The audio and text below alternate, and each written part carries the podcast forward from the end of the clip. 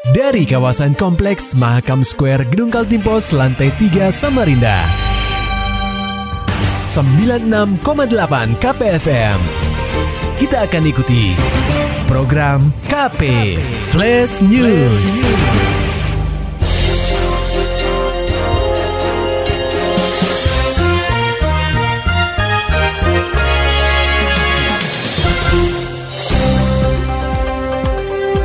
Anda sedang menyimak program KB Flash News bersama saya Agung Pratama. Berita utama.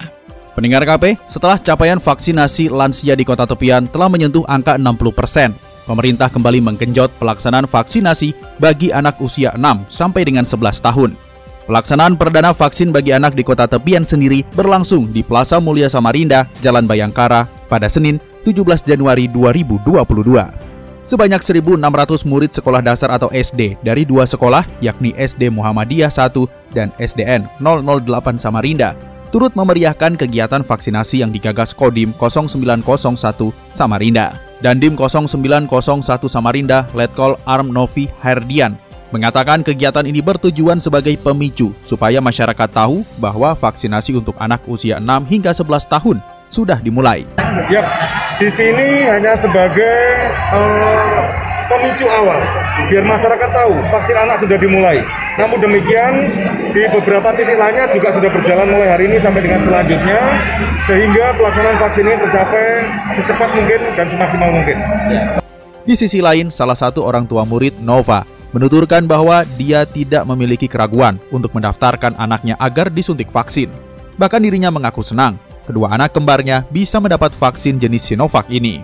Ada keraguan nggak mas sebelumnya waktu ada pengisian formulir segala itu? Enggak sih, saya excited malah, hmm? malah excited ada vaksin buat anak-anak kayak gini. Kenapa sih harus divaksin mbak menurut mas sendiri? Kenapa? Kenapa sih harus divaksin? Ngikuti prosedur aja kan terus. Oh, iya. Ada berapa tadi anaknya? Ada dua kembar anak saya. Oh kembar ya? Oh iya, tapi nggak menangis dua-duanya? Udah.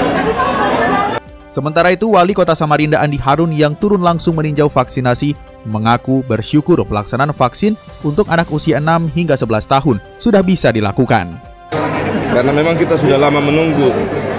Dari kemarin-kemarin vaksin kita sudah siap, cuma memang kan dimulai dari Balikpapan dan kita bersyukur hari ini kita sudah bisa mulai vaksin 611. Kita akan terus berlanjut, ketersediaan stok vaksin kita kurang lebih ada 80 ribu dan mulai hari ini start hingga hari-hari berikutnya.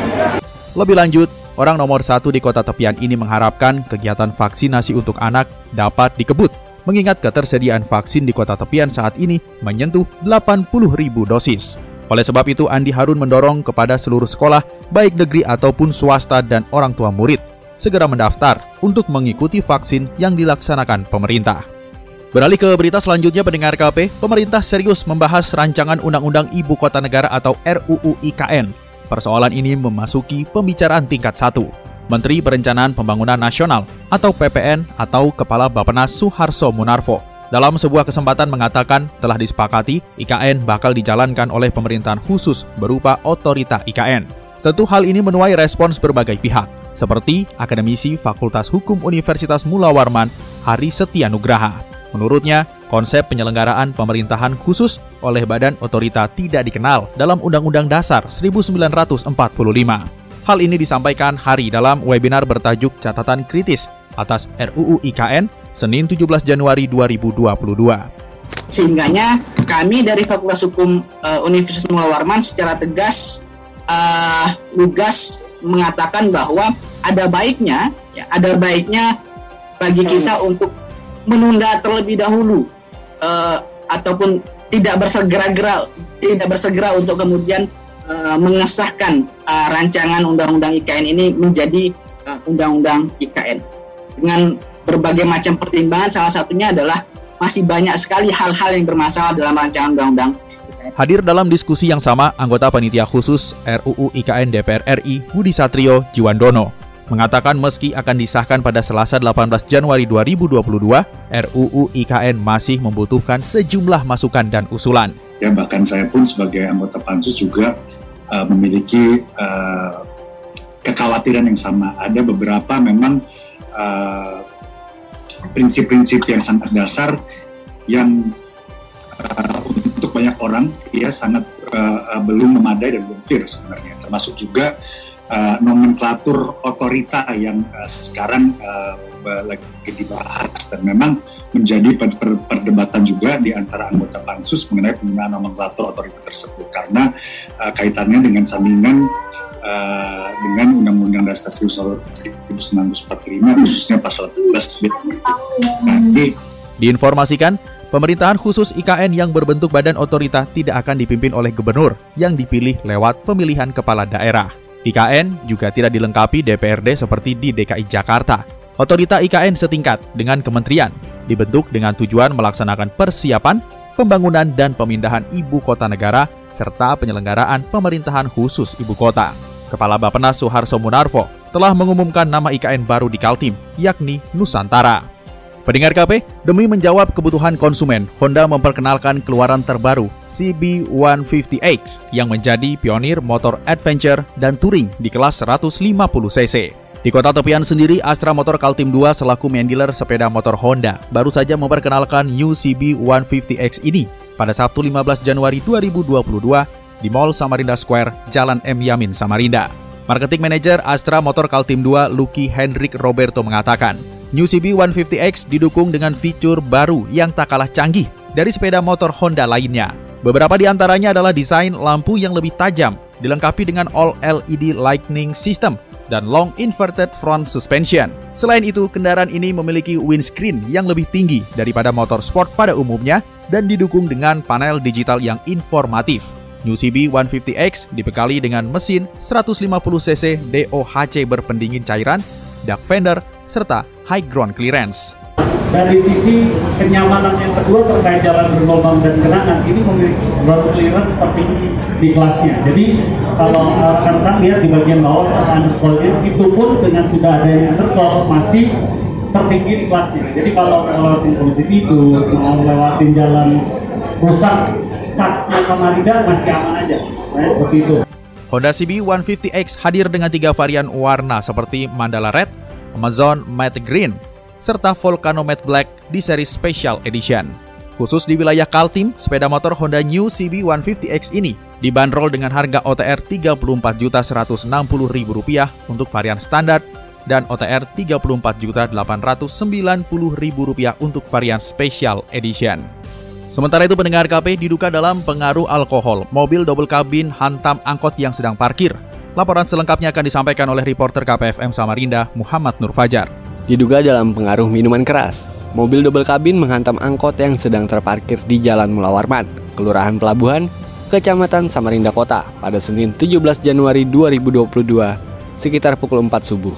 Akibat insiden ini, sopir angkot bernama Muhammad Halim tewas di tempat kejadian akibat luka parah di bagian kepala. Muhammad Halim sendiri diketahui sedang tertidur di kursi penumpang sebelum mobil double kabin tersebut menghantam bagian belakang angkot.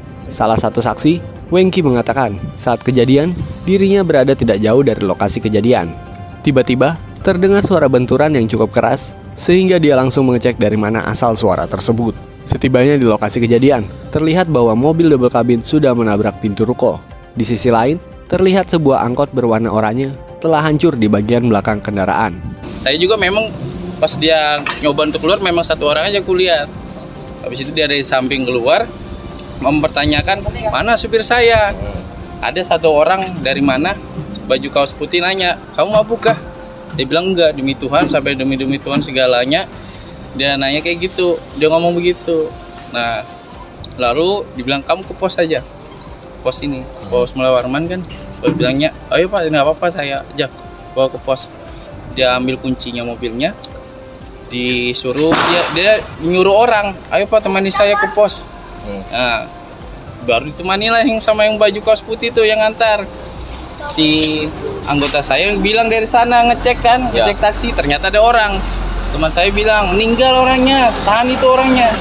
Langsung ditahan dia kayak berusaha untuk kabur untuk melepas dari genggaman begitu Mendapat informasi kecelakaan lalu lintas, unit laka lantas Polresta Samarinda segera menyambangi lokasi kejadian guna mengevakuasi sopir angkot yang terjepit.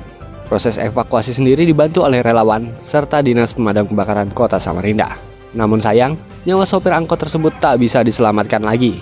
Kanit Laka Lantas Polresta Samarinda, Ibtu Heni Merdikawati menerangkan, anggotanya telah melakukan olah TKP serta memeriksa dua orang saksi untuk proses penyelidikan. Anggota kan udah olah TKP dari kejadian kan? Oke. Langsung melaksanakan olah Berapa TKP. saksi, Bu? Hah? Berapa saksi yang diperiksa, Bu? Sementara masih ada dua saksi. Oh, aja bu? Itu siapa aja bu? Apa? Itu siapa aja tuh yang dua saksi bu? Ya saksi di sekitar situ, di sekitar TKP yang melihat kejadian. Oh kalau yang sopir yang Triton itu bu gimana bu? Saat ini diamankan atau Ya, gimana? Sudah masih diamankan di Polsek. Oh. Dia masih stok mbak, jadi nggak bisa kita mintain keterangan kan. Oh, Tunggu dia oh, ini dulu kan. Nah bu infonya dalam pengaruh miras ya bu? Benar nggak sih bu? Kalau dia bilang sampai pengaruh miras kan yang bisa menentukan dia Ya, ah, bukan kan dokter mbak. Saat ini, sopir kendaraan double kabin berinisial AJ telah diamankan untuk menjalani pemeriksaan. Ketika disinggung apakah AJ dalam pengaruh minuman keras, Heni belum bisa memastikan karena menunggu hasil pemeriksaan dari dokter. KPFM Samarinda, Muhammad Nur Fajar melaporkan. Kita beralih ke berita olahraga. Pendengar KP Ismail digadang-gadang nahkodai Popsi Kaltim periode kedua. Berikut laporan rekan Maulani Al-Amin. Biliar Kaltim memang belum menorehkan prestasi gemilang pada PON ke-20 di Papua Oktober 2021 lalu. Kendati demikian, sebagian besar pengurus mempercayakan Ismail untuk menahkodai Persatuan Olahraga Biliar Seluruh Indonesia atau Popsi Kaltim periode berikutnya. Sekretaris Umum Popsi Kaltim Zulkarnain mengatakan, sejauh ini tujuh pengurus cabang Popsi telah menyerahkan dukungan kepada Ismail. Ini bagus segala laporan apa segala macam bagus lah. Perlu diteruskan juga orang yang bagus. Jadi beliau mengerahkan itu. Ketua Popsi Kaltim baru akan dipilih pada musyawarah daerah 10 Februari nanti. KPFM Samarinda, Maulani Al-Amin, melaporkan. Maulani Alamin, Muhammad Nur Fajar, KPFM Samarinda. Serta dapatkan berita-berita selengkapnya di www.968kpfm.co.id. Demikian tadi telah kita simak rangkaian berita-berita yang terangkum dalam program KP Flash News. Persembahan dari 96,8 KPFM. Terima kasih dan sampai jumpa.